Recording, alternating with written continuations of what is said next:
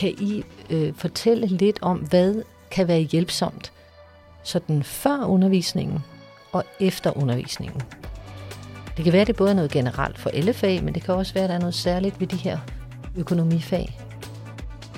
Øhm, jeg ved ikke, om man kan sige, at det er en hjælp før og efter, men det her med, at læreren får en til at lave en begrebsliste, eller i første time til et nyt emne siger, opret lige et dokument, og så få skrevet de her begreber op, og så tager vi dem hen ad vejen. Og så man siger i slutningen af øh, det forløb, man er i gang med, eller det emne, man har om, får samlet op og siger, okay, har alle de her begreber skrevet ned og en forklaring, eller eventuelt en udregning øh, til noget.